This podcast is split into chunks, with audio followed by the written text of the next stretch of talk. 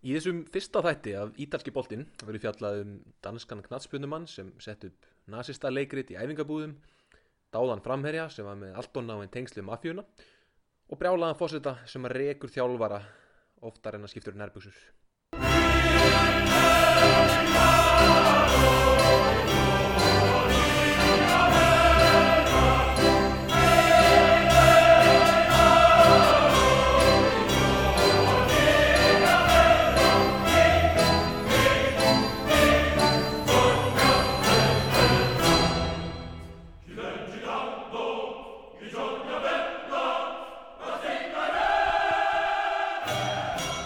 Komið sæl og verið velkomin í þennan fyrsta þátt af podcastinu Ítalski boltinn. Ég heiti Björn Már Ólafsson og ég ætla að taka fyrir í hverjum þætti eitt ítalsknaspinulið og mun í fjallum sögufélagsins, menningu, hvernig það tengist allt saman knaspinunni. Á Ítalíu eru mjög mörg áhugaverð knaspinufjörlög, litir ekki knaspinustjórar, klikkaðir fósettar og guðdómlega knaspinumenn. Ætlaði síðan að rifja upp gamlar og klassiska sögur af hetjum sem að áhuga menn muna eflust eftir frá því að ítalski bolti var síndur í íslensku sjónvarpi. Þannig að þetta verður svona þægileg blanda af uh, gömlum sögum sem að fá verið að hafa hirt og uh, upprifjun af, af nýri, og, nýri sögum af leikmönum sem að flestir kannast við. Í þessum fyrsta þætti þá ætlum ég að fjallum félag sem að leikur í efstu deild á Ítalíu en sem komið er allavega. Liðið frá Suður Ítalíu nána tildiki frá Sikilei og heitir Palermo. Margir þekkja félagið sem að leikur í sem enginandi bleiku búningum og hefur frá árinu 2002 verið með afskaplega litrikan fósetta Maurizio Zamparini sem er þekktur fyrir að einmitt reka þjálfara. Þær breytingar urðu þó á félaginu nýverið að Zamparini endaði því að reka sjálfan sig. Eða með öðrum orðum þá seldan félagið En það er ekki hver sem er sem gætt kift félagið Palermo af sjálfum Maurizio Zamparini. En nýja eigandin, Paul Baccaglini, sem er hálfur ítali og hálfur bandaríkjamaður, er fyrir um sjónastjarnar. Og óvært að segja að myndirhafanum hafi farið út um allan heim, út um allt internet, því að hann er með húðflúr um allan líkama og er þekkt, þekktur sjónvarspersónuleiki á, á Ítalíu. Þannig að hefð félagsins með að vera með litrika fósetta heldur því svo sannarlega áfram. En við skulum byrja byrjuninni og förum yfir félagið og sögu þess og allar þessar litriku personur sem að hafa lita sögu félagsins í gegnum árin. Til að útskýra landafræði Ítalíu er oft notast við stígvili góða. En ef að Ítalíu er eins og stígvili læginu þá er síkilega í boltinn sem að stígvili sparkar í. Staðsett í miðjararhafinu og ef silt er í suður frá Sikilei þá endar í Norður Afríku. Þá leið fara ekki margir, heldur er frekar farið í hina áttina yfir miðrahafið en það hefur Ítalija verið einn helsta móttöku þjóð flóttamanna í yfirstandandi flóttamannabilgju. Nálega Sikilegar við Norður Afríku gerir það að verkum að loftslægið er þurrt og heitt og á hverju ári blása heitir og þurrir vindar sem nefnast Sirocco vindar frá Afriku og norðu til Sikilegar og bera með sér þurran sand úr Sahara eðimörkinni og hafa þessi vindar talsverð áhrif á uh, ólífu og vínberjaræktun á Sikilei. En báða þessar vörur, ólífur og vínber, eru ræktaðar í talsverðum magni á Sikilei og hefur sérstaklega vínframleysla fæst mikið í aukana á síðustu árum. Norður hluti Ítalju er efnahagslega miðstöð landsins. Það eru nær öll stóru fyrirtækin. Fiat, Ferrari, hönnunarmiðnaðurinn í Mílanó, landbúnaðurinn í Emilia Romagna héræðinu, þar sem parmaostur og parmaskinka er framleitt. Ítalska þingið og stjórnmála miðja landsins er síðan í Róm á mið Ítalju, en Suður Ítalja er fátakast í hluti landsins. Og þar er líka miðstöð ítalsku mafíunar, eins og ég muni auðvitað fjalla betur um hér og eftir, en það ómisandi að fjallum það í þætti um Palermo. Það ríkir líka talsverður rígur á Ítalju á milli norðurs og suðurs og er til dæmis til stjórnmálaflokkur í landinu, Lega Nord, sem hefur það á markmiði að aðskilja, ja, annarkvort beint eða óbeint, suður og norður Ítalju. Þrátt verið að stjórnmála miðstöð landsins sé í Róm, þar sem þingið er og aðsetur fósitans, þá státa síkilegingar af því að fósiti landsins er þaðan, Sergio Mattarella. Hann fættist einmitt í Palermo og þegar hann tók við embætti árið 2015 að finnum háaldraða Giorgio Napolitano fóru fjölmilar að grafast fyrir um áhuga málunans. Þau voru ala þrjú, fjallganga, knatsbytna og kettir. Þetta tvenna síðanemda eru þetta áhugaverðast. Eh, hann fylgist mikið með knatsbytnu og í íbúðin hans í Palermo búa kettirnir hans á meðan hann sinnir embættistörfum í Róm. En þetta er nú þáttur um knatsbytnu og því er gaman að nefna það að eh, þegar Sergio Mattarella var kosinn árið 2015 þá tengis súk kostning knatsbytnum á skemmtilegan hátt. Það er nefnilega þannig að fósitt í Ítalju er ekki kosin af ítalsku þjóðinni heldur er hann kosin af ítalska þinginu og það þarf að hafa mikinn meir hlut aðkvæða þannig að þetta eru flóknar kostingar og það er mikil pólitísk refskák sem fer fram. Uh, þanga til einhver hefur flotið þennan meira hluta sem þarf til. Og það fór svo í kostningunum árið 2015 að Francesco Totti fyrirliði Róma fekk fjögur atkvæði þegar ítalska þingið kaus fósettarlandsins á Sigilei eru þrjúlið sem öll hafa spilað í Serie A efstu deild á Ítalju á síðust áratugum. Eru það Palermo, sem við fjallum hér í dag, Catania, frá borginni, Catania, og Messina, sem er einnig frá samnöndri borg, Messina. Messina er staðsett við Messinasundið, sem að aðskilur síkilei frá fastlandinu, sem sagt boltan frá stígvilinu. Þar hafa lengi verið hugmyndir um að byggja brú yfir sem tengir saman Ítalju en því verki hefur aldrei verið lokið. Nágrannarslæginir á milli síkilega liðana geta verið harðir en það er engin sérstakur ríkur á millið þeirra fyrir utan þá það að þau öll liðin eru staðsett á síkileg. Vegna þess að hatur þessara stuðningsmanna beinist aðalega að stóru félugunum á norður Ítalju. Ég ætla aðeins því að fjalla um einn nágrannarslag, ef svo má kalla, eða derby, eins og þetta heitir bæði á ítölsku og einsku. Eh, ekki vegna þess að þetta er sérstaklega harður slagur, heldur vegna þess að hann á sér aðeins dýpri rætur heldur um flestir aðri grannarslagir og er því sérstaklega áhugaverður fyrir sagnfræðiperra. Og það er leikurinn á milli Palermo og Napoli. Eh, þessi nágrannarslagur sem hefur ítölsku verið kallaður Derby della Due Sicilie er slagurinn um konungsríki hinn að tveggja síkilega. Er það vegna þess að Napoli og Palermo voru einu svona uh, borgir í sama konungsríkinu sem hétt konungsríki hinn að tveggja síkilega. Það eru þetta bara til einn síkileg og það er Palermo staðsett en konungsríki náði bæði yfir síkileg og suður hluta Ítalju frá Napoli og suður eftir sem var síðan innlimað í Ítalju þegar Garibaldi saminnaði landið. Félagið Palermo, eða það félag sem síðar tók upp nafnið Palermo, var stopnað árið 1900 af Joseph Walker. Eins og nafni gefið til kynna var Walker englendingur, en ekki Ítali. En ef hann var í Ítali, þá höfði hann sennilega heitið Giuseppe, sem er ítalska útgáfan af nafninu Joseph. Þetta er sambarlegt uh, og hjá mörgum öðrum ítalsku knaspinnilegum. Það er að segja það eru englendingar sem hafa stopnað mörg þessara félaga mörg þessara stóru félaga sem við þekkjum í dag Genoa hópallafélagið Genoa var stopnað í, í Hafnaborginni Genoa árið 1883 sem krikett og fótbollafélag af englendingum. Og svipaða sögu er að segja um AC Milan sem var stopnað af englendingum sem krikett og fótbollafélag og þess vegna heitir einmitt AC Milan AC Milan en ekki Milano sem er ítalski rittátturinn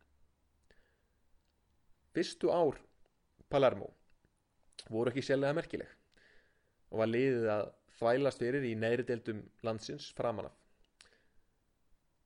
Í valdatíð Benitos Mussolinis og fasistanna var sér mikil áhersla lögð á það að félög á Ítalju, þessi litlu félög sem voru til út um allt, myndu saminast í stærri og sterkari félög. Vegna þess að Mussolini trúði því í sönnum fasistastýl að betra var að samina þessi félög í stór og sterk félög eitt í hver, hverri borg helst sem getur keft saman um titilin þá setti settu fasistarnir líka þá reglu að félögin urðu að spila í einkennislitum borgarinnar. Og því spilaði Palermo á þeim tíma í rauðu og gulu. En eftir að valdatíð Mussolinis og fasistana lauk þar sem Mussolini hekk öfugur á Piazzale Loreto torginu í Milano í lók setni heimstyraldar var reglunum breytt og Palermo fór að spila í bleikum búningum og er það hansi sérstakt.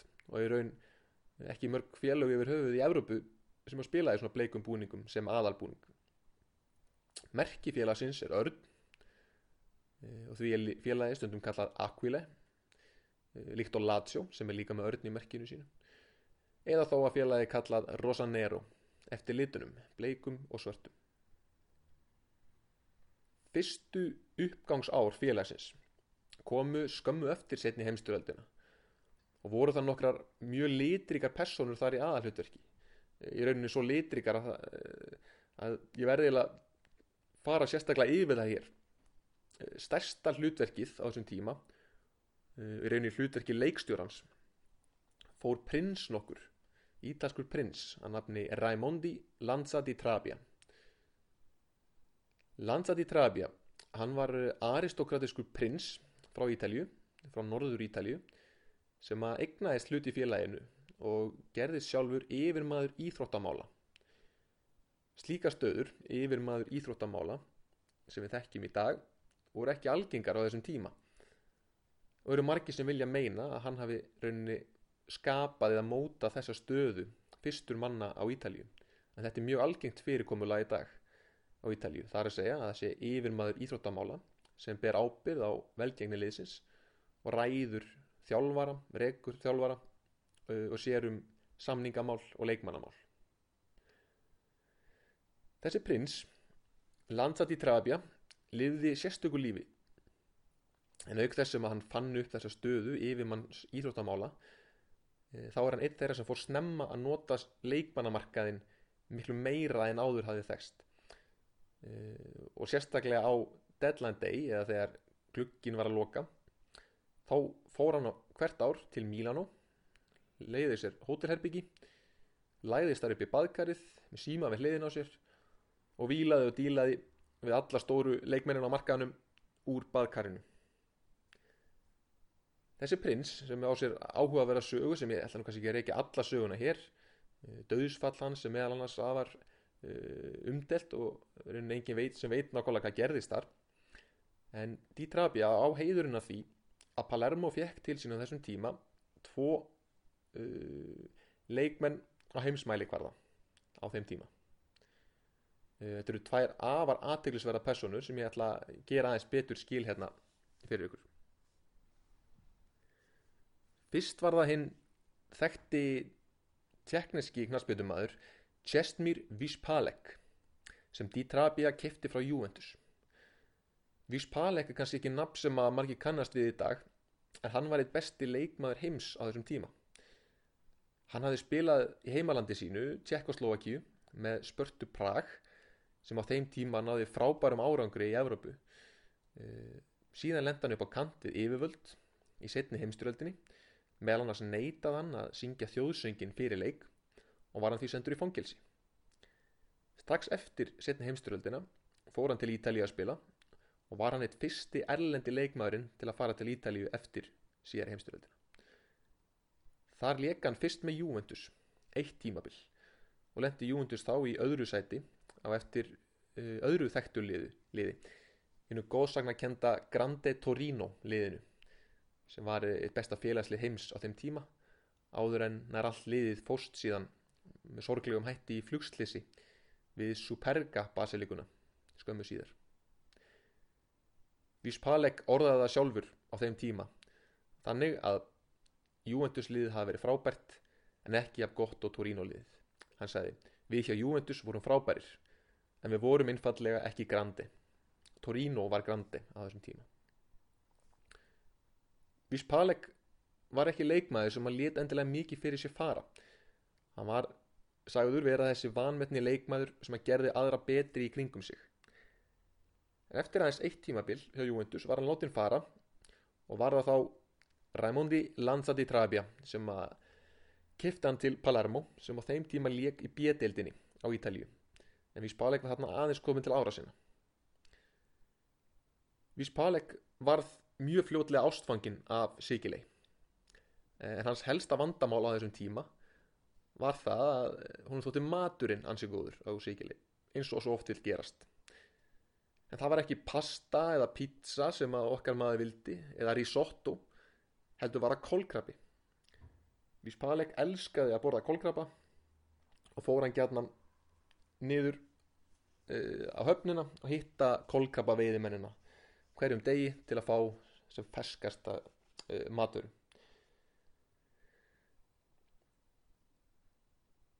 Víspalek uh, sneri eftir ferlinn hjá Palermo síðan aftur til Juventus árið 1970 og tók óvænt við stjórnmjölunum og þjálfaði liðið í tvö ár og skilaði Ítalíu meistaratitlinum tvísvart til Juventus.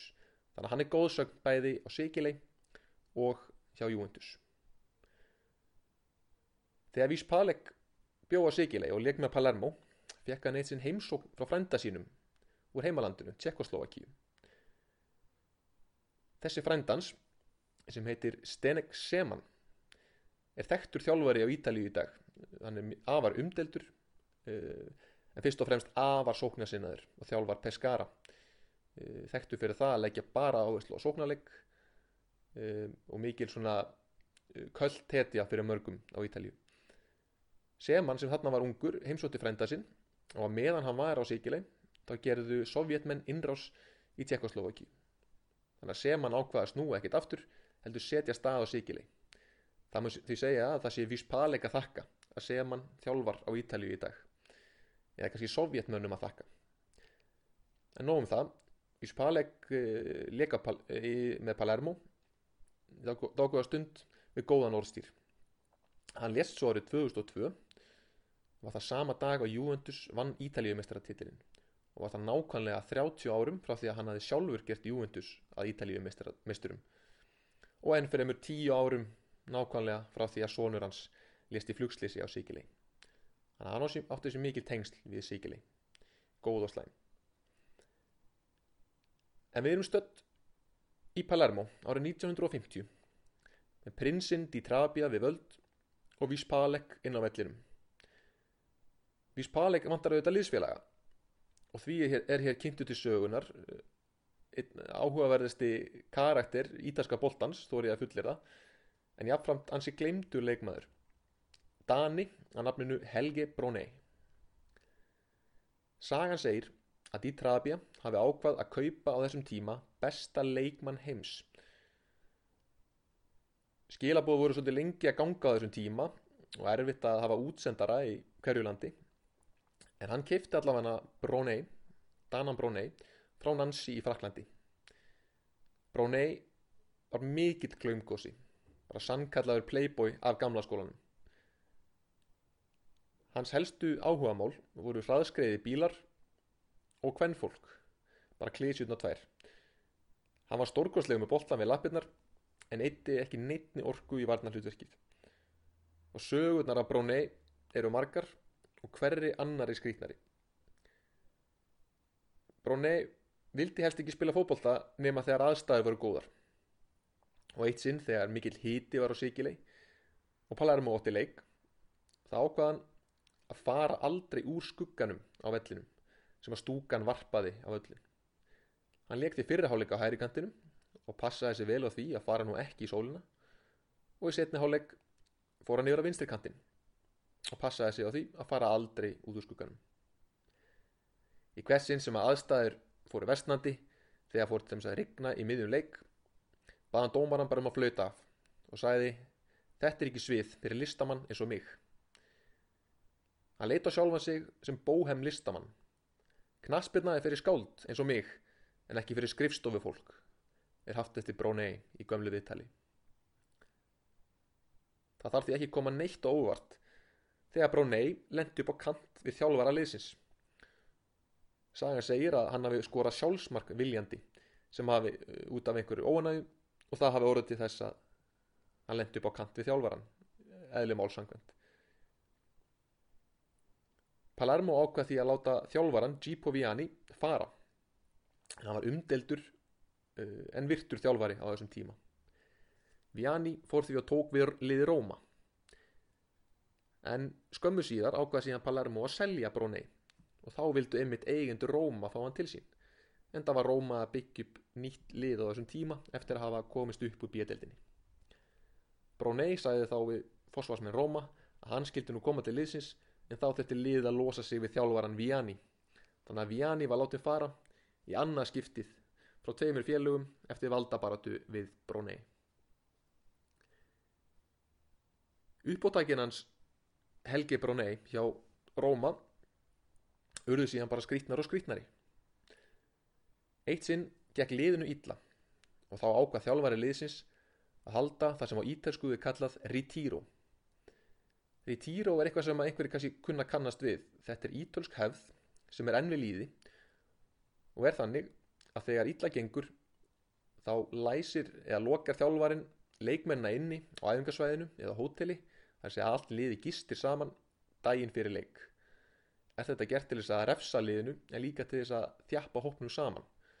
Og fyrir þá sem að sáu þetta en aðdunumennin okkar muna kannski eftir því að e, þegar Emil Hallfriðsson var heimsóttur þá var hann einmitt í svona retiro með Hellas Verona. Liðsmenn Róma voru því á retiro á hótelin okkur. Eitt starfsmæður Róma ákveður um kvöldið að rölda nú upp á hótelherbyggi til þess að skoða hvort að leikmenninni verður nú ekki farnir að sofa. En það sem hann sá þegar hann opnaði hurðina að hótelherbyggi leikmannana er líkara einhverja atriði úr einhverju felínimind svo surrealist var það.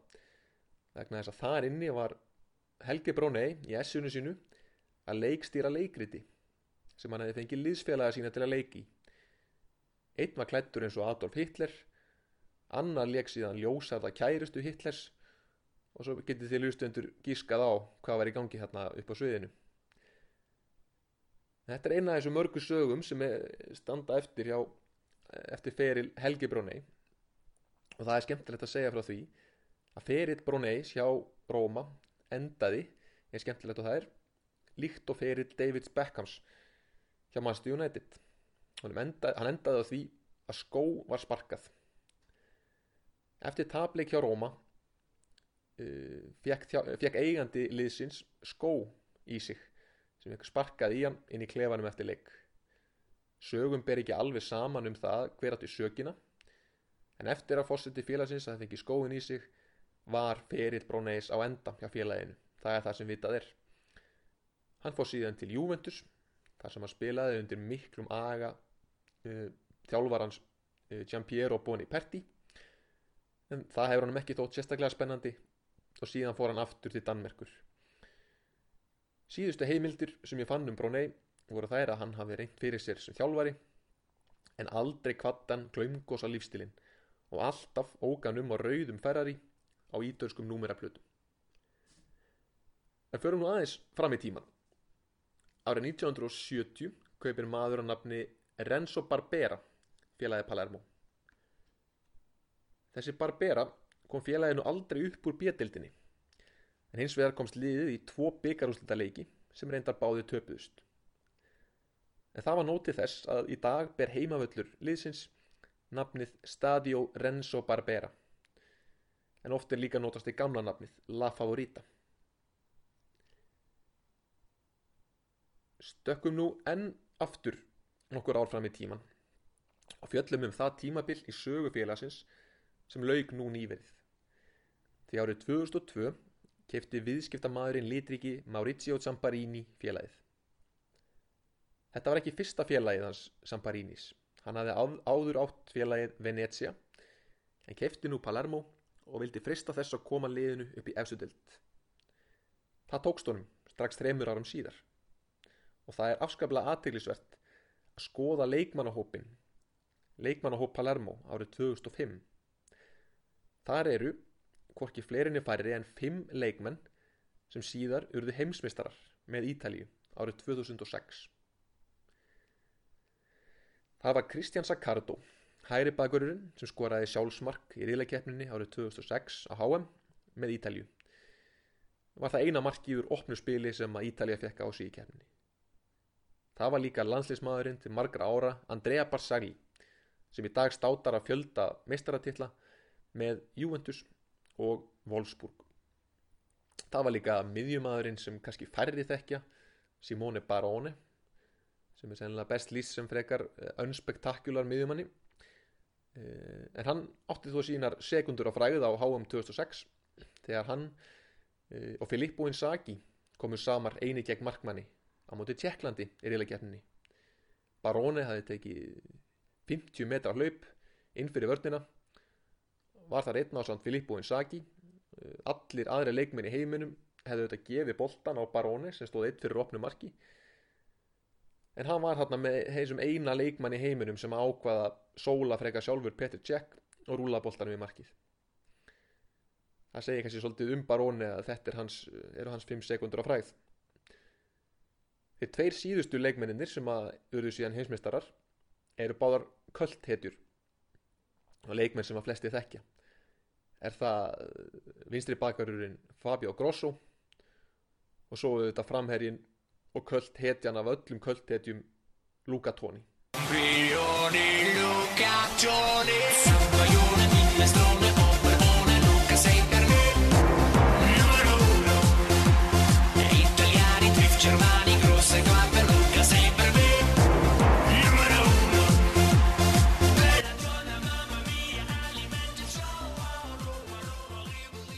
Þessir tvei leikmenn, Fabio Grosso og Luca Toni eiga það sammeilegt að þeir blómstruðu afskaplega sint sérstaklega meða við þá hæfileika sem þeir síðan síndu Luca Toni leik lengst af í serju B. Hann komst upp í efstu deild með Palermo þegar hann var um 26 eða 27 ára gammal það sama gildir um Fabio Grosso hann kemur frá bænum Chieti skamt frá Róma hann var djúpur miðjumadur hjá ýmsum félögum í neðri deildum áður en hann var geður að vinstri bakverði hjá Palermo. Þar gekk hann undir viðnöfninu Flamingoin og hvers vegna er það? Jú, vegna þess að hann var bleikur í búningi Palermo og lappalangur. Grosso fór sér satt frá því að leika í bjedeildinni á Ítalíu í það að skora úrslita markið í undanúrslitum á HM og síðan úrslita vít, úr úrslita vítaspinnunni í úrslita leik HM á aðeins tveimur árum. Síðar fór þessi gethekki bakvörður til Inter og til Lyon Fraklandi og til Juventus og vann hann titla á öllum stöðum. Og það er gaman að segja frá því fyrir þá sem að voru að velta því fyrir sig hvað hann sé að gera í dag að Grosso er þjálfari Primavera liðs Juventus sem sagt úlingaliðs Juventus ég sá það um daginn að einhverju bladamenn sem að heimsóttu ítalska knattspunnusambandið fyrir nokkrum árum eða höfustöðunar þar sem þjálfara akademia Ítalíu Coverciano er staðsett. Þeir heyrðu kvíslaðum það inn að veggja akademíunar að Grosso sé talin eitt efnilegasti þjálfari sem að landið á. Þannig að það er ekki ólíklegt að við fáum að sjá hann í starra þjálfara hlutverki á komandi árum það er ekki hægt að tala um Palermo og Maurizio Zamparini eigandan án þess að nefna þá áráttu sem að maðurinn hafði fyrir því að reka þjálfara. Hann er það sem á ítölsku útlegst sem mangia allenatori eða sá sem borðar þjálfara. Frá því frá árunnu 2002 þegar hann tók við félaginu til ásins uh, 2017 þegar hann hætti þá hafði hann rekið þjálfara um 30 sinnum. Þar, hann, þar að hann ráðið og rekið Francesco Guidolin fyrir um þjálfara Gilvar Sigursson hjá Swansea með enn fjórum sinnum. Samparini er mjög sérstakur og ekkit sérstaklega mikil virðing borin fyrir honum víðast hvar á Ítalíu. E, og talandum að hann sé kallaður e, sá sem borðar þjálfara þá var hann tíktrætt um það í viðtölum að leikmenn hans þyrtu nú að hafa eistu og eitt sinn eftir þegar liðinu hafi gengið illa þá hótaði hann að skera eistun að leikmennum sínum og borða það í salati en það er önnu saga En þessi litriki eigandi má þó eiga eitt, hann blessaði Samparini, að hann kann svo sannarlega að kaupa sóknamenn. Því það er nefnilega ótrúlegt að skoða það samansapna sóknamönnum sem að leikið hefur með Palermo í gegnum árin undir hans stjórn. Nær allt voru þetta leikmenn sem voru keiftir ódýrt og seldi dýrt. Sumi hverji leikmenn sem að Samparini ákvaði að bara kaupa bara svona spontant ákvörun. Það má nefna Edison Cavani hjá PSG sem fór frá Palermo til Napoli, Franco Vasquez sem nú leikur með Sevilla, Dybala sem leikur, leikur nú með Juventus, Andrea Bellotti sem er eftirsóttasti framherri í Ítalíu í dag og leikur með Torino, Abel Hernández var seldur til Hull, Luca Toni auðvitað og Javier Pastore sem er leikur með PSG á samt Cavani. Þannig að ef ekki annað þá hefur Samparini allavega þann hæfileika. Það er líka svolítið aðdeglisvert að Samparini hefur litið talsvert til Norðurlandana þegar hann kaupir leikmenn, en meira en margir aðrir á Ítalíu. Á undanfötnum árum hefur hann keift meðal annars bakvöðin Ali Sami frá Noregi, Robin Quaison og Hiljemark frá Svíþjóð. Og svo auðvitað glókóllin Simon Kjær, miðvörðin frá Danmörku. Kjær var ungur þegar hann gekk til liðs við Palermo. Og hann fór áður en hann skrifaði undir á Palermo þá heimsótt hann Sikilei með fólöldur sínum til þess að ganga nú í skuggum það að borgin væri nóga örug fyrir hann til þess að búi Kjær sem að lék eitt tíma bil með Palermo áður en að fór áfram til eh, Róma og, og til Tyrklands sagði síðar í viðtali við danska fjölmiðla að íbúar á Sikilei þeir töluðu ennþá um landa hans Danan Helga Brónei og uppátækin hans en Kjær þótti talsveit prúðari heldur en landi hans 60 árum áður. Það er svo ekki hægt að tala um Palermo og Sikilei á þess að minnast aðeins á mafíuna. Suður Ítalja er auðvitað miðstöð ítölsku mafíunar og þá sérstaklega héruðin Sikilei og Calabria. Calabria er staðsett á tánni á Ítalju, á stígvelinu Ítalju. Mafían er auðvitað valdamikil en andstaðan hennar eh, andstaðan gagvart henni á meðal almennings er líka gríðaleg og það er eitt stærsti leikmaður í sögu Palermo fekk svo sannarlega að finna fyrir því er það framherrin Fabrizio Miccoli sem átti sín bestu ár hjá Palermo og er hann markaðasti leikmaður félagsins í efstu deild. Í mörg ár spilaði hann í treyjunum með tíu eh, oft með nokkur aukakíló en með stórkostlegan fót skoraði, hann var einn af þessum framverjum sem skoraði falleg mörg uh, og var hann eina af ástæðunum fyrir því að félagið, félagið hjælt sér upp í efstu deild eins lengi og raumbæri vitni. Þessi Mikkoli sem upprunalega er frá Lecce á söður Ítalju já, það var ekkert sem benti til þess já, til annars en að hann myndi ljúka ferlinum með Palermo því að hann var vinsæll. Þanga til uppkomst að hann hafi verið í slægtói með mafíunni.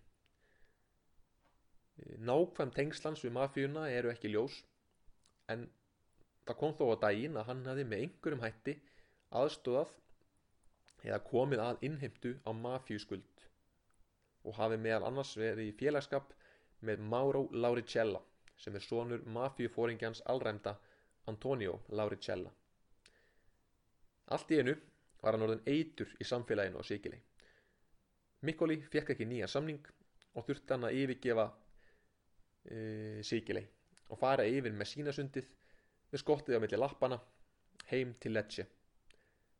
Þar ætlaði síðan að gerast, þessi, gerast hometown hetja koma Lecce aftur upp á fornar slóðir í efstudild en það gekk eins og er ítla. Hann átti lítið eftir á tónknum og félagið hjælt sínum ógöngum áfram. Þetta var sorglegur endir á annars stórkostlegum ferli hjá stórkostlegum leikmanni. Það er enginandi fyrir Palermo að einmitt skömmum nokkrum vikum áður en þessi þáttur var tekinu upp þá hafi félagið einmitt rekið þjálfara sinn og nú að lokum skiptum eiganda. Félagið er nú í þriðja neðsta sæti á Ítalíu. Hefur gengið afleitlega og yfirstandandi tímabili. Og það er í raun ekkert sem bendir til þess að félagið munni ná að snúa vörn í sókn. Og fátt sem bendir til annars en að Pál Baccalini nýja eigandin munu þurfa að byggja félagið upp aftur úr serju Ég þakka ykkur annars fyrir að hlusta á þáttinn. Uh, Líkt og við gerðum í upphafi þá skulum við enda þáttinn aftur á smá klassísku tónlist. Og við skulum hafa þetta svolítið lokal lag úr óperunu Cavalleria Rusticana eftir Pietro Mascagni sem fjallar einmitt um ástarþrýjetning sem gerist á Sikilei Ég verð svo með nýjan þátt af viku liðinni og þá ætla ég að ferðast yfir með sínasundið og svo norður til Flórens. Þar ætlum við heimsækja Gabriel Omar Battistuta, Rui Costa, Francesco Toldo og fleiri kempur í tengslum við Fiorentina auðvitað. Fylgist með í næstu viku. En fram að því, hér er Intermezzo Sinfonico.